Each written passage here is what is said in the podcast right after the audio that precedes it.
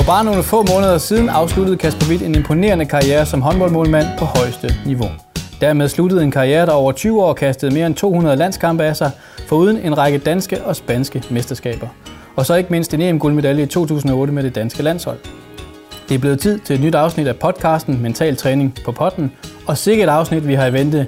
Vi er nemlig på besøg hos netop Kasper Witt. Hej Kasper, og tak fordi du måtte komme. Ja, det var så lidt. Øh, vi sidder jo her på Vesterbro i lokalerne hos et selskab, der kalder sig Refresh, tror jeg, det skal udtales. Refresh. Ja. Refresh? Ja. Du skal næsten fortælle, hvorfor vi gør det. Jamen, det er min nye arbejdsplads, og øh, jeg fik øh, heldigvis muligheden for at være med i podcasten af Carsten. Øh, og så øh, spurgte jeg, om det kunne foregå her hos os. Øh, derfor er vi her. Hvordan går du ellers har det? Du er jo kommet på den anden side af karrieren nu. Jamen, jeg har det rigtig godt. Jeg synes, jeg øh, har en utrolig spændende hverdag. Jeg bliver udfordret og hver evig eneste dag, og jeg synes egentlig også, at hver dag lærer jeg noget. Det er ikke hver dag, jeg går hjem, jeg lige kan sætte fingeren på, hvad det egentlig var, men øh, når jeg så får samlet stumperne i løbet af en uge, og sådan, så synes jeg, at øh, jeg har et arbejde, der er enormt lærerigt. Så jeg har det rigtig godt, vil jeg sige. Det er godt at høre. Øh, jeg skal også fortælle, at du er her, Carsten Oldengård, mental træner med masser af erfaring og masser af mental know-how, som du gerne giver videre. Velkommen til. Ja, tak. I dag skal det jo øh, handle om øh, noget, der rammer alle sportsfolk før eller siden, nemlig karrierestoppet og, de tanker, man gør sig i, øh, i forbindelse med tiden, der venter efter, efter sportskarrieren er slut. Kasper, vi kan jo starte med dig. Hvornår begyndte du sådan at overveje, at din karriere var slut? Øh, jeg vil sige, i, et langt stykke tid, øh, før jeg egentlig stoppede her i sommer, der havde jeg da tænkt over, hvad gør jeg egentlig, når jeg ikke skal spille mere? Øh, jeg havde ret hurtigt gjort op med mig selv, at jeg vil ikke gå ned i niveau. Øh, altså det hold, jeg skulle spille på, selv til sidste dag, det skulle være et hold, der holdt niveau. Øh, og jeg vil også kun være med så længe, at jeg faktisk selv følte, at jeg kunne gøre en forskel. Det var ligesom de to første præmisser, så hvis det hold, jeg nu var på, havde valgt at ikke at forlænge min kontrakt, og de tilbud, jeg så fik, var markant dårligere, så tror jeg, at jeg stoppe tidligere, eller hvis jeg følte, at jeg er faktisk dårlig, så vil jeg også stoppe.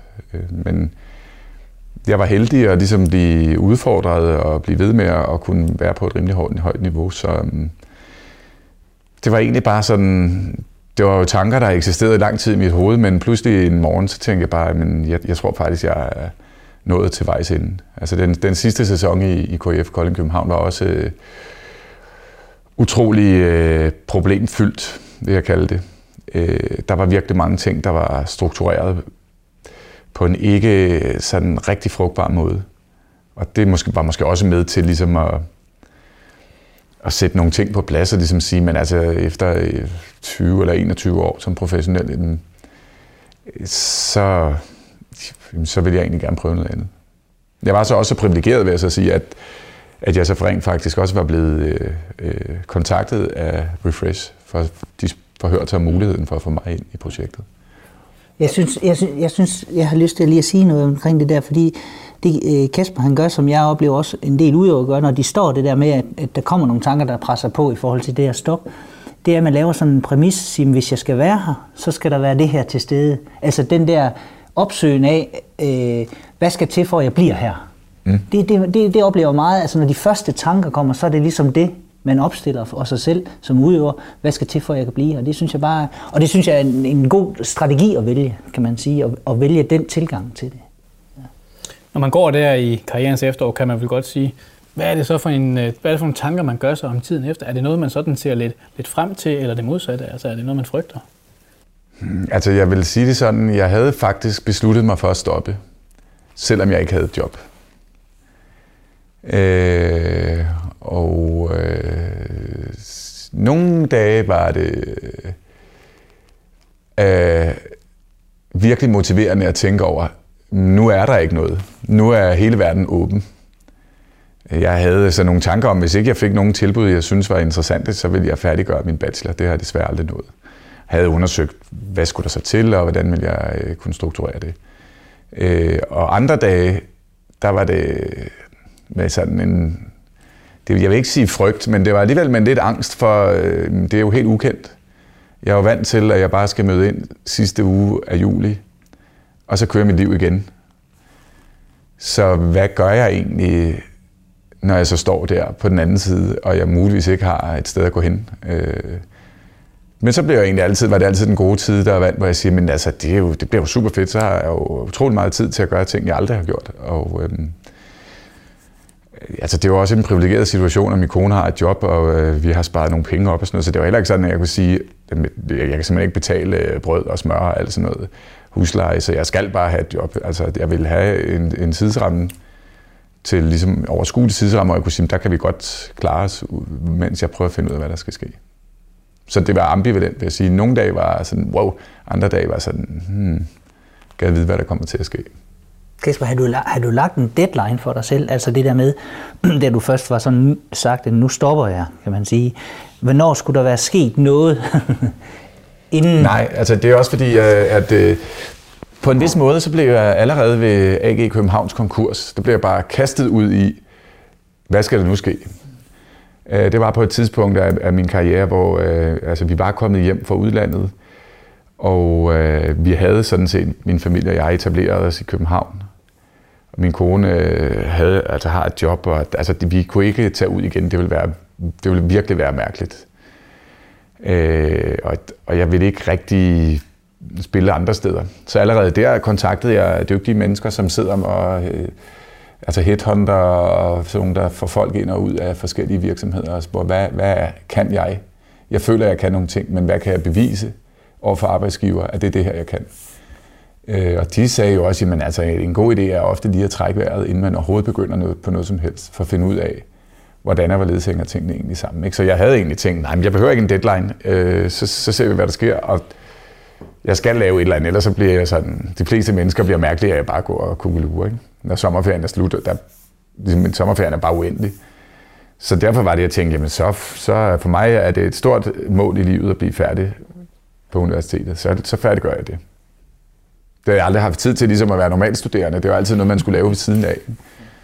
Jo, men, og det, ja, det, det, nu ved, det er jo ikke fordi den måde, jeg kender Kasper så godt, men, men jeg kan sådan lave nogle paralleller i forhold til noget af det, jeg har siddet i, med netop den der karriereafklaring. Og, og det er sådan, at man, man laver ikke, man kan ikke kalde det en, men der er rigtig mange, der laver en eller anden forløbig plan, kan man sige, af et eller andet, som er meget sådan, på en eller anden måde realistisk, og så har man noget, man sådan også går og drømmer om, øh, som, som udøver kan være svært let at blive at sætte finger på. Hvad er det, jeg egentlig taget kan, når jeg nu har været inde i den der sportens verden og præsteret på det der høje niveau? Så man laver en plan for noget, man ved, det kan jeg i hvert fald det her. Det kan jeg gøre, og så er der måske også noget drøm eller noget håb, der skal afsøges ja, ja. Og, og udforskes i det der. Ikke? Ja. Er der en risiko ved, at man næsten vrider karrieren for langt ud, øh, fordi man frygter det, der venter på den anden side? Ja, jeg har i hvert fald oplevelse af, at, at noget af det, der er og det er sådan lidt praktisk, men, men det er også hele den der dagligdag, der kører, når man er topprofessionel. Ikke? Det, det er jo struktureret, det kører bare, og man er i en eller anden form for gearing omkring det. Og den gearing ved man godt kan ikke fortsætte på samme måde, den kan ikke se ud på samme måde i det, man er i.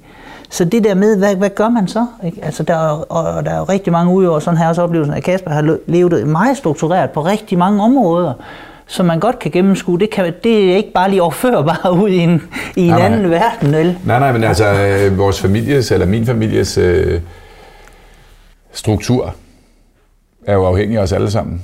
Og øh, jeg har haft, eller har verdens bedste kone, og hun har virkelig haft forståelse for, hvad går det ud på at præstere på den måde, jeg gjorde. Så, så rigtig meget i vores liv var jo øh, lagt an på det. Samtidig med, at hun også kunne have sit, sit job, og vores, kone var, eller vores barn var i skole og alle de der ting. Ikke? Men pludselig blev det jo også lavet om. Altså hele hverdagen blev jo lavet om. Ikke? Men øhm, det har været sjovt, vil jeg sige. Altså, det interessante er, at jeg faktisk ikke en eneste dag, ikke en, tænkt, nej, for vil jeg gerne være håndboldmålmand. Du savner det er faktisk øh, en lille smule bekymrende. Nej, men det, det, jeg synes mere, det er viden om det, der, at det var jo det rigtige tidspunkt at gøre det på det. Hvis man ja, ja. har sådan tilbagevendende tanker på noget, man har været i, men man er sådan mere fremadskuende faktisk, så har det jo været, så har der været en afklaring netop fra, fra den der øh, tanker, der har været. Jeg skal jo også stoppe på et tidspunkt, men starter med at sige, at opstille nogle præmisser for at blive der. Mm. Og så kommer den der, hvor, hvor det ikke lige bliver opfyldt, og hvad så? Og så kommer der nogle overvejelser, hvad, så, hvad skal jeg nu? Og der bliver det der med, at man ligger noget, der kan lade sig gøre, og så har man nogle, nogle drømmer, nogle håb, og noget, man har oplevelsen af, man kan sgu noget, men hvordan skal man oversætte det ud i den der nye verden?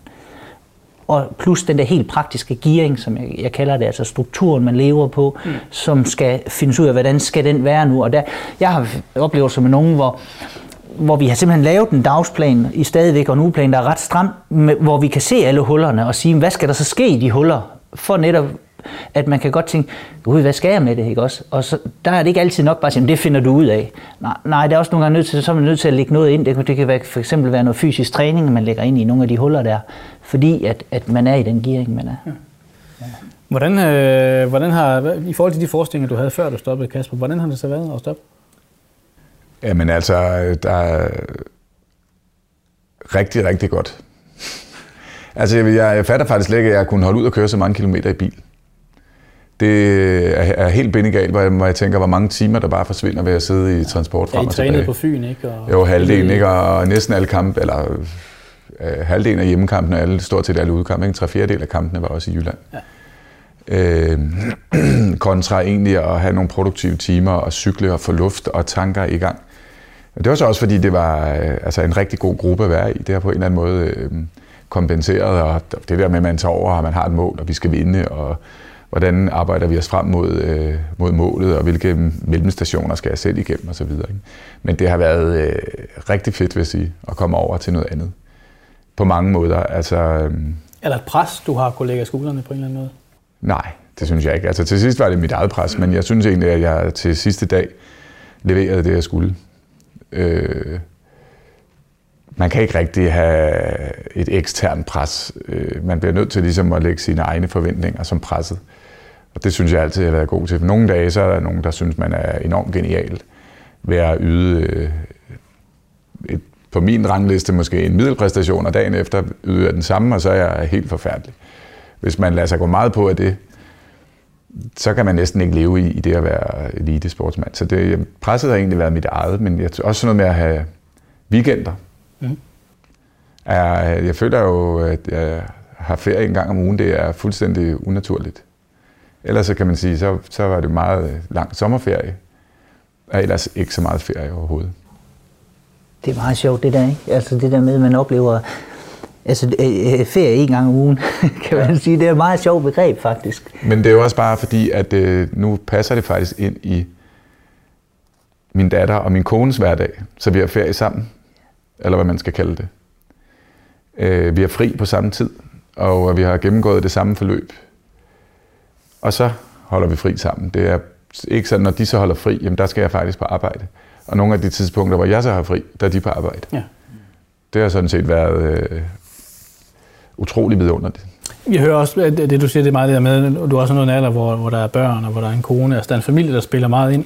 Det ved jeg ikke, Carsten, om det er også det, du oplever ved dine udøvere, at, at den, den tid, hvor karrierestoppet måske melder sig, der, der er de også i en alder, hvor der er så mange andre ting, som, som spiller ind, og som, som måske gør det lettere også på en eller anden måde, og mere mm. naturligt at vælge. Nej, det ved jeg ikke, om det gør. Altså, nu har jeg haft i, i forskellige niveauer, forskellige aldersgrupper og sådan noget. Altså nu, Kasper han skitserer familien, men hvis det er yngre, så er det som regel øh, nogle andre venner, der dukker op i, i det, hvad skal man sige, ja. hvor man oplever, at man kan noget sammen med dem, som man ikke har kunnet tidligere, og sådan noget. Så, men, men, øh, men det tror jeg, altså, det er jo fordi, man, tænker jeg, også øh, får nogle andre relationer, som kommer til at betyde noget for en. I sporten, så bliver det jo meget relationer, man har ind i sportens verden, og lige pludselig så, så kan man vække nogle af de andre relationer endnu mere.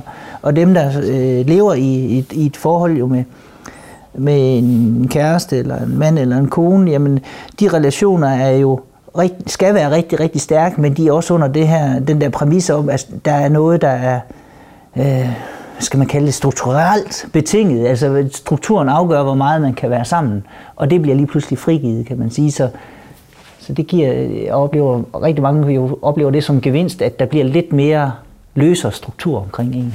Noget af det, vi snakkede om, øh, da vi forberedte det her, Carsten, det var det her med, at, at øh, hvad er det, der gør, når man sidder som sportsudøver i de sidste år, og, og, og alligevel bliver ved med at spille? Altså, hvad er det, der gør, at det er det her værd, at det er, det er stadig værd at blive ved? Kasper, det ved jeg ikke, om du... Altså, er der nogle ting, hvor du siger, at jeg kunne egentlig godt være stoppet som 35-årig, men, men det var det her, der gjorde, at jeg lige tog fem år mere eller noget i den stil. Var der sådan nogle parametre, som, som spiller ind der og vinde? vil jeg groft sagt sige. Jeg var så også så heldig, at jeg blev kontaktet af, af Jens Bosen i forhold til at prøve at, at, at sådan starte et, et helt nyt håndboldprojekt, øh, Kolding København og alt det. Altså det gav sådan set måske øh, en ekstra dimension til det at være håndboldspiller. Det var jo ikke noget, jeg på noget tidspunkt af min karriere havde forestillet mig, at jeg, jeg kunne være med til. Det var heller ikke noget, der sådan, nogen havde forestillet sig, tror jeg, at man kunne. Øhm, det gav et enormt drive faktisk til at egentlig at være med til at prøve at bygge en klub op med fanbase og rødder og det ene og det andet sted og så videre, samtidig med, at man så faktisk var inde på banen og kæmpede for, at det skulle lykkes, fordi det er jo trods alt derinde af sportsklubber langt hen ad vejen viser, om det lykkes eller om det ikke lykkes. Det er, hvis du vinder. Nu ved vi jo, at Kasper har et stort vindergen. Carsten, er det også det, du hører fra andre sportsudøvere? Nå, jeg synes at mere, er... at, at, at, at det er der ved rigtig mange sådan topatleter, der er vindergen jo stort, kan man sige. Altså det der vil og vil noget på nogle forskellige områder, og også vil vinde. Jeg, jeg tænker mere, når, når Kasper siger det der, så tænker jeg, jamen det, der har været en, måske, han har, det er også lidt af sådan en omstændigheder. Hvad er det, der også driver en? Altså der er jo andre ting, der driver en. Nu nævner han det der med, at det var ligesom et projekt om at prøve at gen, altså opbygge en klub, som havde alle de her ting til stede. Og det kunne åbenbart, det tænde Kasper sige, det var også interessant, men der har garanteret også været tidligere nogle andre områder eller parametre, der også har været med til at drive det ret meget, altså man siger, ud over at vinde. Men, ja, men jeg synes bare i virkeligheden, det er jo det, der er ret interessant, når man er sportsmand. Altså man har nogle drømme, man forfølger. Da jeg var 14, så jeg, det var i 90, der så jeg Sovjetunionen Sverige i en VM-finale, som Sverige så vandt. Det var første gang, at Sverige blev verdensmester. Jeg tror nærmest, det var første gang, at et, et hold, fra, ikke fra Østblokken, blev verdensmester. Der var ikke europamesterskaber dengang. Det var det eneste mesterskab, man spillede. Mm. Og der tænkte jeg bare, men hvis Sverige kan blive verdensmester, så kan vi kraftedeme, så skal jeg virkelig, undskyld mig, så skal jeg virkelig også være verdensmester, så kan jeg også. Og de havde nogle virkelig gode målmænd. De spillede i Spanien, jeg siger, jeg skal til Spanien og spille. Det var så min drøm. Så gik der så nogle år, og så pludselig faktisk opnåede jeg noget. Vi blev jo aldrig verdensmester, men jeg blev europamester. Det var så blevet indført i mellemtiden. Og jeg havde ligesom sat mig det mål. Der var en af deres, han spillede i Barcelona. Jeg skal også til Barcelona. Så nåede jeg også det. Men en, så, så ens drømme ændrer sig hele tiden. Da jeg så var nået dertil øh, på et andet tidspunkt i mit liv, men så blev drømmen egentlig at videre, om jeg kunne være med til at udnytte nogle af de kompetencer og den viden, jeg havde samlet mig gennem 12 år i udlandet. Tage den med hjem og prøve at skabe et stærkt håndboldprojekt i København øh, som ligesom er her, hvor jeg kommer fra, og hvor jeg egentlig mener, at der burde man kunne lave et hold, der kunne konkurrere på den europæiske scene, og jeg snakker helt op øverste niveau, ligesom man har set Anja Andersen med, med slagelse og sådan noget. Viborg til dels også for damer, ikke? på det niveau. Øh, og så var jeg sådan set bare heldig egentlig, at først kom jeg til FCK, det, var sådan en, det blev en ret nedtursæson, fordi at øh, halvvejs inden, hvor vi lige var blevet pokalmester, så to dage efter fik holdet at vide, at de lukkede klubben. Det var virkelig en mærkelig sæson at gå på arbejde det sidste halvår. Øh, men, men allerede der, der blev jeg så kontaktet af AG København og, og Jesper Kasi Nielsen. Og så var det bare, jamen, så var det, altså det projekt, jeg egentlig håbede på at være en del af, så var det allerede i gang. Og så bagefter, da de så lukkede, jamen, så kunne jeg sådan set selv være med til at skabe noget, der kunne minde om det. Altså i hvert fald har det overhældet øh, AG i, i, har levet øh, nu over dobbelt så lang tid, eller man skal sige. Mm. Øhm, så på en eller anden måde har der hele tiden været, øh, det er jo måske også noget med held, eller du søger mulighederne, eller hvad sådan vil jeg, men jeg har også været lidt heldig med faktisk at, at komme hen til situationer, som egentlig mere eller mindre opfylder både min, min mål og min drømme. Ja, det bliver jo spekulativt, men hvis du ikke havde fået den her mulighed for også at prøve dig selv af i nogle lidt andre rammer, end, end, end målmandsrammerne. Øhm, øh, tror du så, du har stoppet noget før?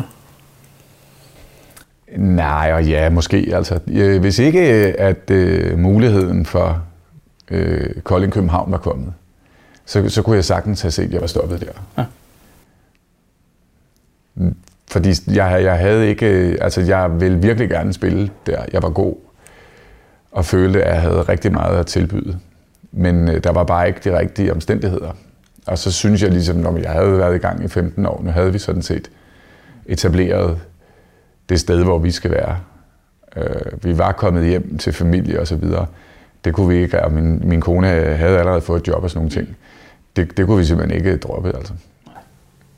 Men det, det, men det er igen det der med, at præmissen for at blive den, at knivskarp øh, og tydelig ved Kasper, tænker jeg. Ikke også? Det er det her, der skal være til. Jeg skal kunne spille på din, din niveau, kan man sige. Ja, ja, fordi altså, jeg, man får, jeg har fået relativt mange muligheder, men bare på et niveau, hvor jeg sådan slet ikke kan se mig selv. Altså, så vil jeg være verdens største idiot at spille sammen med, fordi jeg er frustreret 24-7.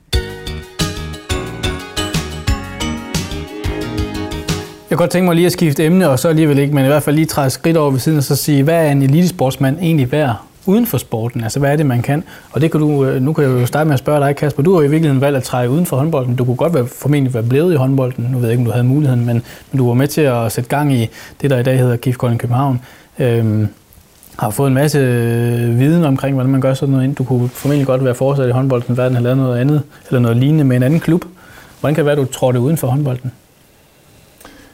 Øhm, det var jo egentlig, øh, fordi jeg fik henvendelsen her fra Refresher. Det var jo sådan set nogle mennesker, jeg kendte i forvejen fra det andet miljø, øh, fra håndboldmiljøet. Mm. Så det var sådan set på grund af netværk, men den mulighed, de så tilbød, var enormt interessant i forhold til præstation. Øh, altså toppræstation har jo i hvert fald sådan de sidste 10 år af min karriere, lad os sige halvdelen af min karriere, jeg ligesom beskæftiget mig med, hvordan har, altså opnår man egentlig en toppræstation. De første 10 har måske ikke været så bevidst, der gør man det bare.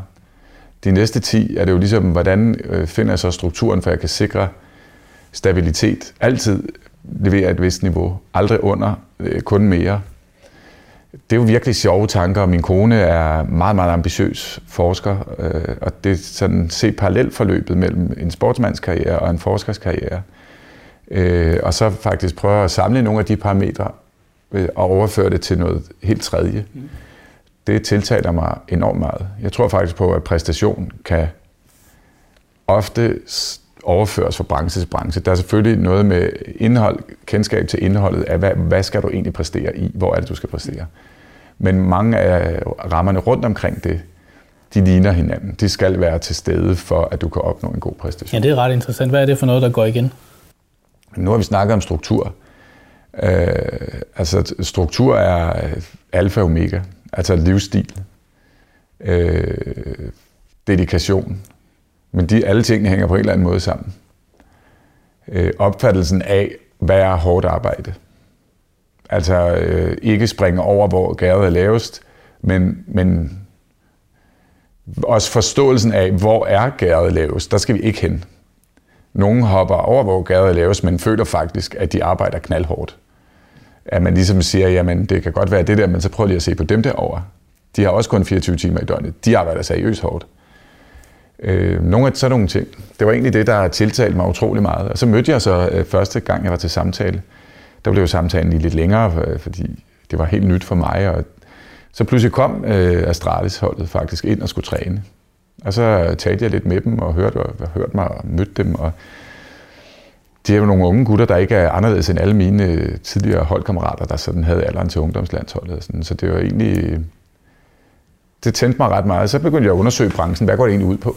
Altså, hvordan er en hverdag for dem? Og, sådan. og da jeg så havde ligesom prøvet at lave en behovsanalyse for de mennesker der, så tænkte jeg, det tror jeg faktisk godt, jeg kan, jeg kan hjælpe med til. Hvad er det så for nogle øh, værdier eller eller andet redskaber, du prøver at tage med over sådan mere konkret i øjeblikket? Jamen, jeg synes faktisk, når folk spørger mig, hvad har du egentlig fået med for håndbold? Jeg synes, jeg har fået rimelig gode analytiske evner i forhold til øh, både branche, men egentlig også indhold. Mm. Og øh, ud fra dem, jamen, så kan man jo så begynde at sige, øh, hvordan strukturerer vi så en hverdag? Du, nu har vi fundet ud af, hvad der er behov for. Hvordan strukturerer vi så en hverdag, der gør det lettere at præstere? Og det, det, jeg synes i hvert fald noget af det, som øh, tror jeg sportsudøvere og, og cheftræner har svært ved at forklare det er, at de har øh, mod til at pille ved ting. altså hele tiden at søge det der ekstra, for at man bliver, bliver god. Ikke? Altså, det, er jo, det er jo svært at beskrive i, i, i en ansøgning, at man kan det der og man øh, har analyseredskaberne øh, redskaberne til faktisk at analysere og sige, hvis vi lige skruer lidt her, hvis vi lige skruer lidt her, så bliver vi lidt bedre. Og jeg tror også, det er det, nogle gange erhvervslivet bliver lidt chokket over, når de inviterer en ind som Kasper. altså det der med, at han har jo både analyseredskaberne, men også mod til at vil skrue på de der parametre. Og det, det skal organisationer eller øh, arbejdspladser. Øh, jeg tror, der er nogen, der siger, at de gerne vil, men spørgsmålet om de kan. Mm. Altså, ikke? Og, og, og, og, øh, og derfor, jamen altså, derfor trænger erhvervslivet til nogen fra sportens verden, synes jeg jo, fordi de kan det der. Men er det vindergenet, der slår igennem, eller hvad er det? Ja, det synes jeg. Det er det, hvis vi sådan overordnet taler om det. Så er det fordi, man, man vil noget, og man, altså, man, og man går rigtig, rigtig langt for, at det lykkes. Altså, jeg tvivler på, at særlig mange vinder er meget ustrukturerede. det tror jeg simpelthen ikke på. Så i virkeligheden er der jo rigtig meget med struktur. Mm. At folk har rammer, hvor indenfor at de skal lave en eller anden præstation. At de kender arbejdsbetingelserne, øh, kender forventningerne fra chefen til dig, eller fra dig til en medarbejder.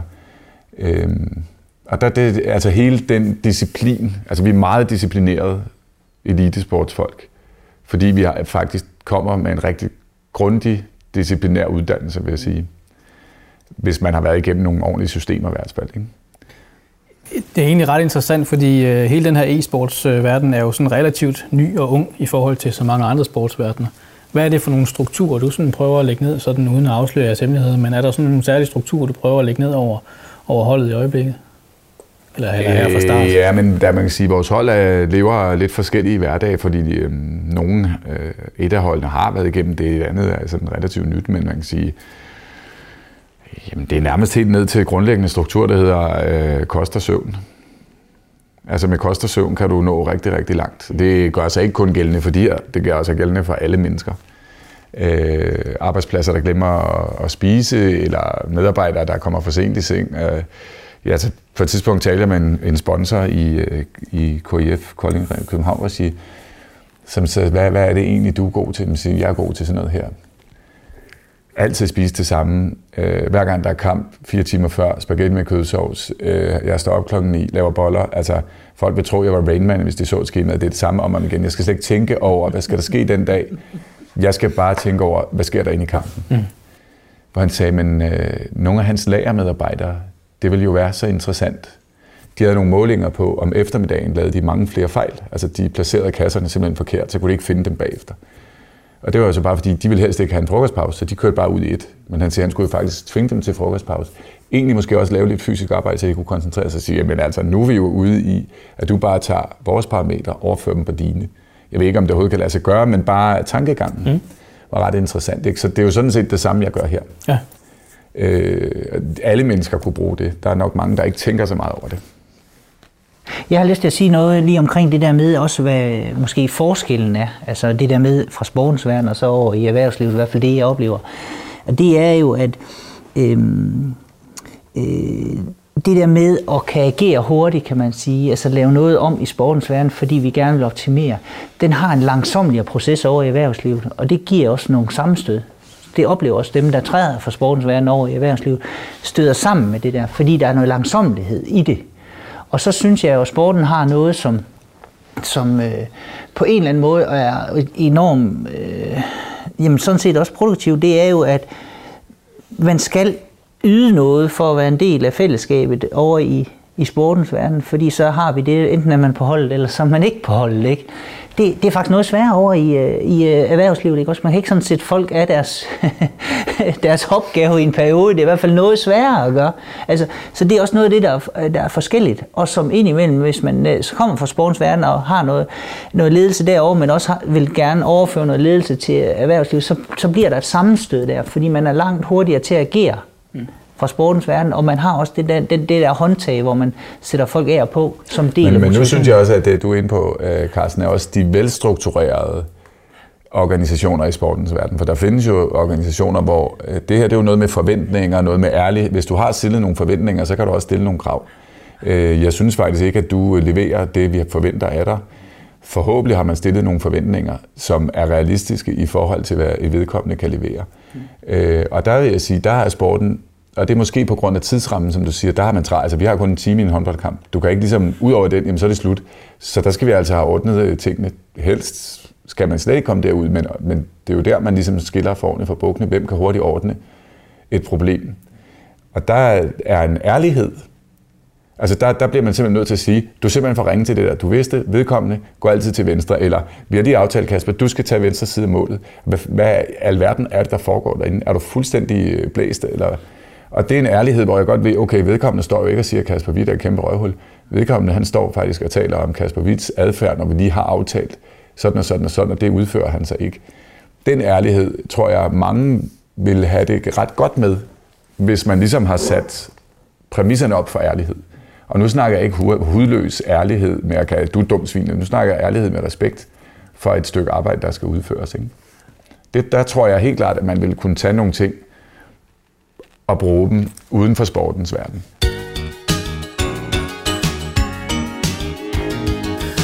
Øh, jeg kunne godt tænke mig, Kasper, at høre, hvad, hvad, hvad driver dig egentlig i den nye stilling her i uh, Refresh?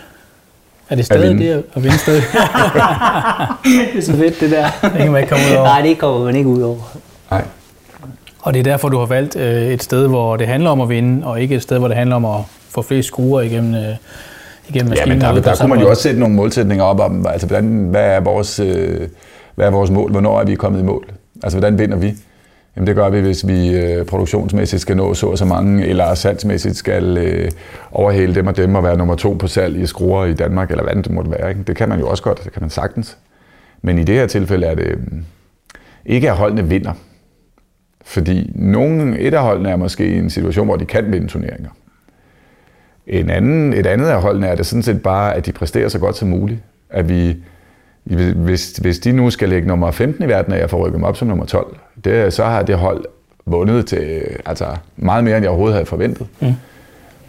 Øh, det nytter ikke bare, at man siger til folk, at vi skal bare vinde. Jamen, øh, hvis de slet ikke har en, øh, en chance for at slå 15 hold i verden, så bliver det ret svært at vinde en turnering. Ikke? Men det jeg hører, det er jo det der med, at man vinder på sine målsætninger. Ikke også? Ja. Man skal vinde på sine målsætninger, det er afgørende. Ja. Ja.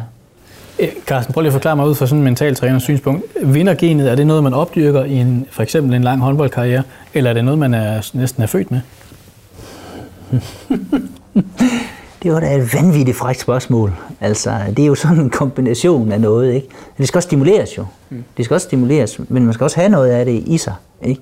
Altså, så det, det, det, det synes jeg er rigtig svært, hvor meget og hvor lidt, og det, er også, det, det balancerer også i forskellige perioder af ens liv, hvor, hvor det der at vinde, det er sådan overskyggende, kan man sige, altså øh, sådan bare helt af sig selv, og så andre gange, så skal det stimuleres ikke, ja. til det. Ikke? Så, ja. Jamen jeg tror egentlig, ja, der vil jeg give dig ret, altså det er også meget med, hvilke sammenhæng bliver du placeret i, altså hvilke kulturer kommer du ind i. Øh, jeg har været utrolig heldig i min karriere med, at der, hvor jeg spillede håndbold, det var i Ydern, en klub på Frederiksberg, da jeg startede. Vi var rimelig gode, og vi havde en ret ambitiøs træner. Så vi skulle både have det sjovt, hvilket vi også havde, men vi spillede også for at vinde. Det var ikke sjovt, når vi tabte. Så synes vi ikke, det var sjovt. Og det var også noget med, hvem er, hvilke typer er på det hold, og hvordan fik han ligesom banket ind. Hvad var det egentlig, der var sjovt ved at gå over? Det var, at vi skulle vinde. Og det var lige fra, øh, det hed Lilleput, det der nu er U10. Øh, og så gik det bare igen. Jamen, vi, så, jamen, så blev vi Københavnsmester, så skulle vi prøve at være Danmarksmester, når man ligesom blev samlet lidt. Når man blev det ældre, så blev det regionalt først, så blev det nationalt. Øh, så på en eller anden måde, øh, så tror jeg bare, at det har meget med sammenhæng at gøre, hvordan ens chef, det var så ens træner i det tilfælde, lægger linjen. Altså er vi der bare for sjov, og nu, skal, nu laver vi også nogle øh, happenings og lidt hygge. Nå, så tabte vi lige en kamp, det gør ikke noget. Eller gik vi faktisk rigtig meget op i at vinde. Ja, og så ligger der under den der underskov af at vinde jo, der, der skal man jo vide, hvordan man vinder. Og det skal man så gå ind i med hårdt arbejde og så videre. Ikke? Også, og det, det, ja. Så det er jo også en måde at blive stimuleret på at vinde, kan man sige. Men det er, at man afspejler, man afspejler, jamen her, der passer vi vores sengetid, og her står vi op rigtigt, her spiser vi rigtigt, her har vi en plan for dagen, hvordan vi gerne vil have mest muligt ud af det, og så videre, og så videre. Mm. Lad os tage et lille sceneskifte igen. Noget af det, vi nemlig gerne vil tale om, det er fysikken, eller det for, den, den, den kropslige forfald, som man formentlig kommer ind. Nu ser det ud til, at du stadig står skarp, Kasper, men altså, der sker jo et eller andet, når man holder op med at træne så meget, som du har gjort. Hvordan har du oplevet det her med øh, øh at det, det fysiske aspekt? Hvordan har du oplevet det efter karrieren er slut? Øh, fint, men det, jeg har også tænkt over, at øh, jeg har faktisk ikke øh, siden øh, maj har jeg ikke styrketrænet en eneste gang. Jeg bruger kun til Jeg vil helst undgå at bruge min fritid på at skulle lave fysisk træning. For jeg behøver ikke at lave fysisk. Jo, jeg, altså, jeg behøver at lave fysisk træning i det omfang, at jeg skal have et behageligt liv, og jeg ikke skal have ondt. Men jeg behøver ikke at lave fysisk træning, hvor jeg løber med et pulsur hele tiden og tjekker, om pulsen nu ligger på 142, eller om jeg kan løbe herfra hjem på øh, 21 minutter og ikke 22. Så jeg har ligesom sagt, at øh, minimum to dage om ugen, der skal jeg løbe på arbejde. Øh, så, så der er noget transport, i, som, som bliver fysisk træning. Så har jeg fået sat en TRX op her, og så hver dag gå ned og lave 5 minutters øvelser øh, af den ene eller den anden slags. Indtil videre har jeg haft det bedre fysisk, end jeg havde før, da jeg trænede. Hvordan skal det forstås? Jeg har ikke ondt. Nej. Altså ikke ondt i ryggen, eller det ene knæ kan have virkelig dårligt med trapper og så videre, så videre, så videre. Hvis ikke jeg er over og styrketræne knæet øh, hver anden dag, det vil sige, hver anden dag skal jeg i fysisk træning, øh, så har det ene knæ det virkelig, virkelig dårligt. Så nogle ting øh, er der slet ikke noget med nu. Det er fedt. Altså, og det, jeg vil bare sige, og det er jo noget af det der i hvert fald, hvis det er sådan noget, øh, hvis det er unge udover jeg har for eksempel, så er det noget af det, man er nødt til at hjælpe dem med. Det er, at man kan ikke bare stoppe fra den ene dag til den anden, og så ikke lave noget. Det kan kroppen simpelthen ikke holde til, og man har også brug for det. Altså at lave noget, både kroppen, men også det mentale i at lave noget. Og der, der, altså når jeg laver sådan for unge, så laver vi sådan, sådan næsten sådan en helt udfasning på det fysiske også, for at sikre os, at, at vi falder til både på kroppen, men også med hovedet, altså at man har det der. Fordi hvis man gør det andet, hvor man bare sætter stregen i sandet og stopper, så er det virkelig en derute. Altså, så bliver det, det har jeg også oplevet, så bliver man mentalt bliver man dvask, og man bliver fed, og, og, og, og man bliver led og ked af sig selv. Så er man kommet ind i en meget uheldig spiral, der er jo svært at, at vende. Ikke? Men jeg vil så sige, at altså det første, jeg lagde mærke til, det er, at jeg spiser bare ikke så meget. Altså jeg er ikke så sulten. Nej. Øh, men nu er det faktisk også lystbetonet. Altså øh, nogle gange, det var ikke sådan, jeg elskede faktisk altid at gå til træning, fordi der var et mål. Okay, jeg ved, at herfra og derovre, det plejer at tage mig 10 minutter. Øh, det skal tage 9 minutter og 50 sekunder i dag. Øh, og så gør det ondt bagefter, men så ved jeg, at nu har jeg lavet et godt stykke arbejde, så er jeg en chance for at blive bedre, og så har jeg en større chance for at vinde. Men nu er det faktisk sådan ret lystbetonet at løbe uden ur. Nu er jeg tvunget mig selv til at løbe uden ur, fordi ellers så bliver det sådan et øh, panikløb, og så vil jeg blive sur på mig selv over, at jeg ved, at jeg kan løbe herfra hjem. Det burde tage 22 minutter, men så har jeg ikke lige fået nok at spise, eller fik ikke noget vand, for jeg skulle skrive tre mails, så der kom en eller anden ind, og når jeg så går ned og løber, så har jeg simpelthen ikke vilkårene for at optimere, eller præstere optimalt for, for at løbe hjem. Og så, så vil jeg bare være en sur mand. Så er det bedre bare at sige, men altså, hvad, hvorfor løber jeg egentlig nu? Det var sådan set, fordi, at jeg, fordi det er behageligt en gang imellem. Mm. Øh, så nu kan jeg bare løbe hjem. Der er jo ikke nogen, der står og overvejer om 23 minutter, om du sætter holdet. Og det er min forforståelse på Kasper. Det er det der gearing, jeg snakker om. Ikke? Man er gearet på en bestemt måde. Man plejer at gøre sådan og sådan med, med pulsur og stov, og man ved godt, at man er nødt til at gøre noget. Fordi ellers så kommer man ind i, i en gearing, øh, opsøger en gammel gearing, som man ikke kan være i mere, så man er nødt til at gøre noget andet. Ikke? Det, det er et glemrende eksempel, synes jeg, på det der. Lad os tage et uh, gearskifte igen. Ja. Noget af det, der jo, uh, noget, noget af det, der også har stor indflydelse på, når man stopper karrieren, det er jo omgivelserne. Vi har været lidt inde, eller været meget, måske været meget inde på det med familien, Kasper. Men, men alligevel, hvad, hvad tænker familien om dig i din nye rolle nu? Hvordan har de taget imod dit, dit karriereskifte? Rigtig, rigtig godt. Altså, jeg må sige, at uh, jeg er også heldig med at have en kone, som uh, er utrolig forstående. Uh, og også var klar over, at det her det blev jo anderledes. Og jeg skal øh, bare passe på, at jeg ikke har øh, mærkværdige småting ind i hovedet 24-7 og ligger om natten, hvor, fordi jeg ikke er helt så træt om aftenen, fordi jeg ikke har lavet så meget fysisk. Og så ligger i sådan en øh, dvaletilstand, som man faktisk ikke helt føler, man sover, fordi at, øh, jeg skal huske i morgen sådan og sådan.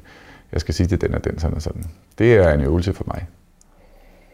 Min datter sagde bare, skal vi så aldrig ud i arenaen mere? Så det kan vi godt, nu spiller de bare computer. øh, jamen, jeg tænker også i forhold til det her med, at, at du jo har haft den her identitet som på et tidspunkt en af verdens bedste håndboldmålmænd, og, og, og nu er du så bare far og, og ægte mand. Øh, på, og, men det er måske også sådan, de altid har set dig, og, og så var det andet bare sekundært, eller hvordan har det ligesom været? At du ja, har skulle tage ja, den det tror jeg helt klart. Øh, der har det jo mere været sådan her... Glæde, når vi vinder, men også øh, utrolig frustration, når tingene var så dårlige som det sidste år, og det alligevel bruger samme tidsrum eller mere. Mange, mange, mange flere tanker på, hvordan får vi det her vendt. Mm. Uden at jeg selv kunne bestemme, kontakte Gud og hver mand af alverdens mennesker, som gerne ville hjælpe os. Og jeg havde faktisk fået det hele etableret. Så blev jeg så stoppet af en træner eller en sportschef, der ikke lige kunne bestemme sig til, om skal vi egentlig gøre det her, eller skal vi ikke gøre det. Altså, det, og der var hun frustreret. Altså, så er det tusind gange bedre ikke at spille, end at spille og være utrolig dårlig. Og egentlig godt kunne se, jamen, hvorfor er vi dårlige, men ikke kunne gøre noget ved det. Det har været en kæmpe frustration. Altså, hun har aldrig, jeg tror hverken min kone eller min datter ved jo hverken om jeg er god eller dårlig. Øh, hun var bare ude og se, og for hende er det sjovt, når kampen er slut, og man kan spurte rundt nede på banen, hvor der er så meget plads og kæmpestort rum og sådan noget, du kan tyre bolden ned den anden ende. Det kan du aldrig ned i gården, altså så ryger den ud på vejen eller sådan noget. Ikke? Så for hende har det ikke været, om, om hun vil helst have, at vi vandt og sådan noget, men øh, hun har jo slet ikke den forståelse. Hun er også for ung til ligesom, at hun er kun ni. Hvor meget, Carsten, skal man afstemme med, med omgivelserne i forhold til beslutningen om sådan et øh, karrierestop? Skal man overhovedet afstemme med, med omgivelserne? Det ved jeg ikke. Altså det, man skal i hvert fald have dem, man lever, altså de, de, de nære og de kære, skal man jo have en eller anden idé om, hvad nu, sammen med dem. Altså det synes jeg, det er sådan en, øh, en indvielse i det. Jo, fordi at, at, at livet bliver anderledes nu. Ikke? Altså det er man jo nødt til at snakke om, hvordan, hvordan skal det, hvis vi tager skemaet, se anderledes ud nu, når, når det holder. Ikke? Altså, så det, man er jo nødt til, og det er, som de fleste familier skruer sammen, så er det jo, det er jo en, det er jo igen et fællesskab, der skal køre på en eller anden måde. Ikke? Og, og det, der bliver jo frigjort noget tid på en eller anden måde, eller der er noget tid, der skal laves om, som man skal jo have en eller anden form for fælles holdning og beslutning på. Det er sådan her, vi gør det nu. Ikke? Så, så det, det skal man. Hvordan man så indviger, altså det, det er jo svært. Det er jo rigtig mange udøvere, når de står med de tanker, der begynder at presse sig på, så står de meget alene med det. Altså det er jo det, jeg oplever. Det er jo rigtig svært. Hvad gør man ved det, når man nu står i det? Især øh, vil sige, de første gange, de presser på, der kan man som regel godt håndtere det, men når de så presser mere og mere på, og man måske har taget beslutning også om, at skal, skal stoppe, eller i hvert fald, man ligger rigtig meget og vipper, der står rigtig mange udøvere alene med det der, altså den der. Men der kan du så sige, at det at være øh, i en sportsklub, hvor du har nogle kontra- en kontrakt den her tidsbunden, du er måske et år, en sæson tilbage, to sæsoner tilbage, den øh, holder der jo nogle gange fra. Øh, det er jo først, når, den, når du nærmer dig udløb, at du begynder at overveje, hmm, skal jeg stoppe, skal jeg eller andet. Jeg tror, det er anderledes øh, for individuelle udøvere, som jo sådan set er, de har også nogle sponsorkontrakter, men de stopper formodentlig bare, hvis man stopper karrieren. Ikke? Du er jo ikke afhængig af, af en tidsbunden kontrakt med nogen, der ligesom giver dig en løn på den måde. Så der kan jeg godt se, at på en måde er lettere at være i det system, jeg kommer fra. Fordi der kan dårlige resultater kan formodentlig hele tiden, at det her er det egentlig det værd. Og hvis, jeg tror, hvis den tanke dukker op for mange gange i dit hoved, så skal du høre på den og sige, så stopper jeg. Du skal ikke gå med den, for så bliver du dårlig. Mm. Altså du kan ikke gå med den tvivl, øh, skal jeg, skal jeg ikke, skal jeg, skal jeg ikke. Altså den vil jo tage virkelig meget af dit fokus, og hvis ikke du fokuserer, så vinder du ikke, for dem du spiller mod, de er altid fokuseret. Netop. Ja, netop. Så altså, det var også derfor, jeg tænkte, hvis jeg mange gange øh, dukker op, skal jeg egentlig stoppe, så skal jeg stoppe. Øh, og jeg vidste bare, at det dukker kun op, hvis jeg fornemmer, at jeg kan ikke gå i spagat, jeg er ikke hurtig. Øh, kroppen er for, for der, som du var inde på før. Så, så er det jo ikke sjovt. Altså, den første, der lægger mærke til, det er det ikke sjovt. Lang tid før alle andre synes, nu er Kasper Witt dårlig. Det er sådan set mig selv. Mm. Et stort pres blev taget af din skulder, da du stoppede. Øh, så har du måske fået et nyt pres på skulderen. Hvordan, øh, hvordan er sådan, hvad kan man sige, overskuddet i hverdagen? Er, er der kommet mere af det, eller hvordan, hvordan er humøret? Sådan? Altså, det er godt. Jeg, jeg er meget stimuleret af jobbet. Jeg vil sige, øh, fysisk klart overskud. Der er slet ikke så meget øh, fysisk aktivitet. Øh, der er slet ikke så meget bilkørsel. Det trætter også meget. Øh, så jeg, jeg har rimelig meget fysisk aktivitet, eller sådan overskud, vil jeg sige. Øh, vi skal så småt til at runde af. Vi kunne, jeg kunne egentlig godt tænke mig, Kasper, kunne vi lave sådan en lille øvelse? Det er måske nok lidt en klassiker, men det her med lige at kigge tilbage til da du Jamen, var. Ved du hvad, jeg vil faktisk gerne skyde ind. Jeg har også været heldig i, i hele det her forløb, at, at have nogle mennesker, jeg faktisk kunne spare med, som, og det var, nu, nu så jeg, at I også har haft Ulrik Vilbæk mm. i, øh, i podcasten.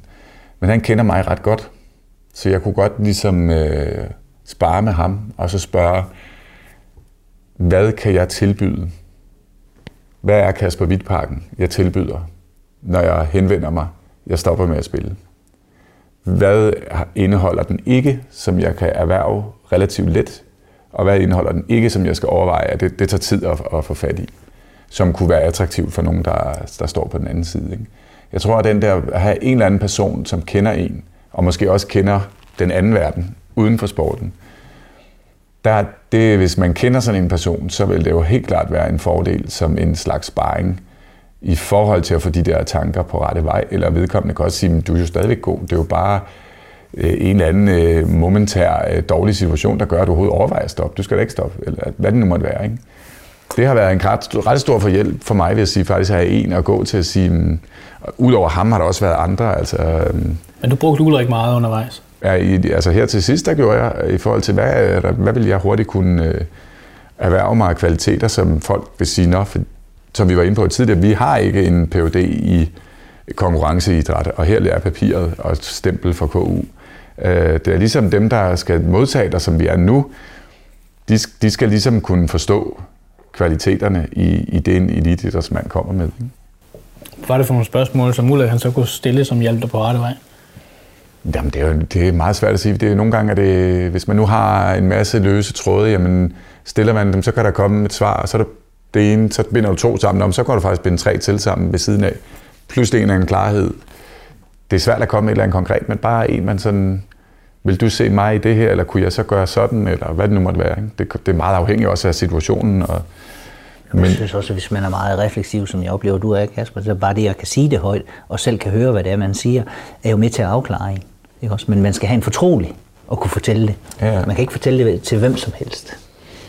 Altså, min fortrolige er helt klart min kone, men hun er ikke ude i erhvervslivet som Ulrik. Det var jo det der egentlig, hvor jeg tænkte, at han er jo en bro fra, øh, ved nøjagtigt, hvad står jeg i nu, og også, hvad er så det, der kommer på den anden side.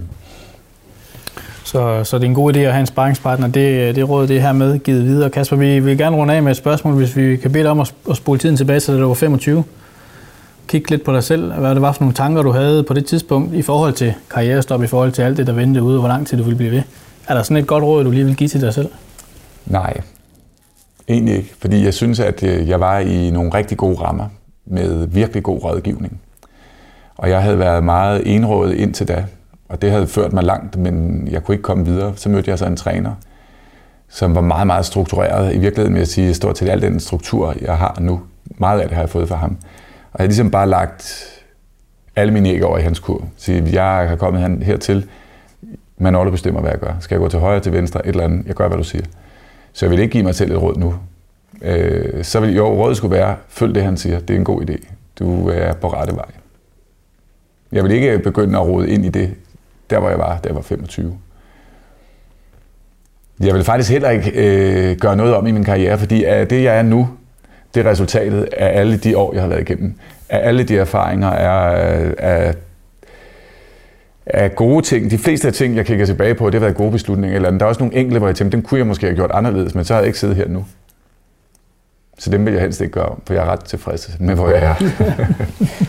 Jamen, øh, man bliver formet af de beslutninger, man tager gennem livet. Skal det ikke være lærerne i dag? Jo.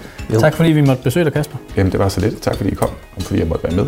Tak til dig, Carsten. Ja, tak. Du kan finde flere podcasts i serien om mental træning på oldengård.dk. Tak for i dag.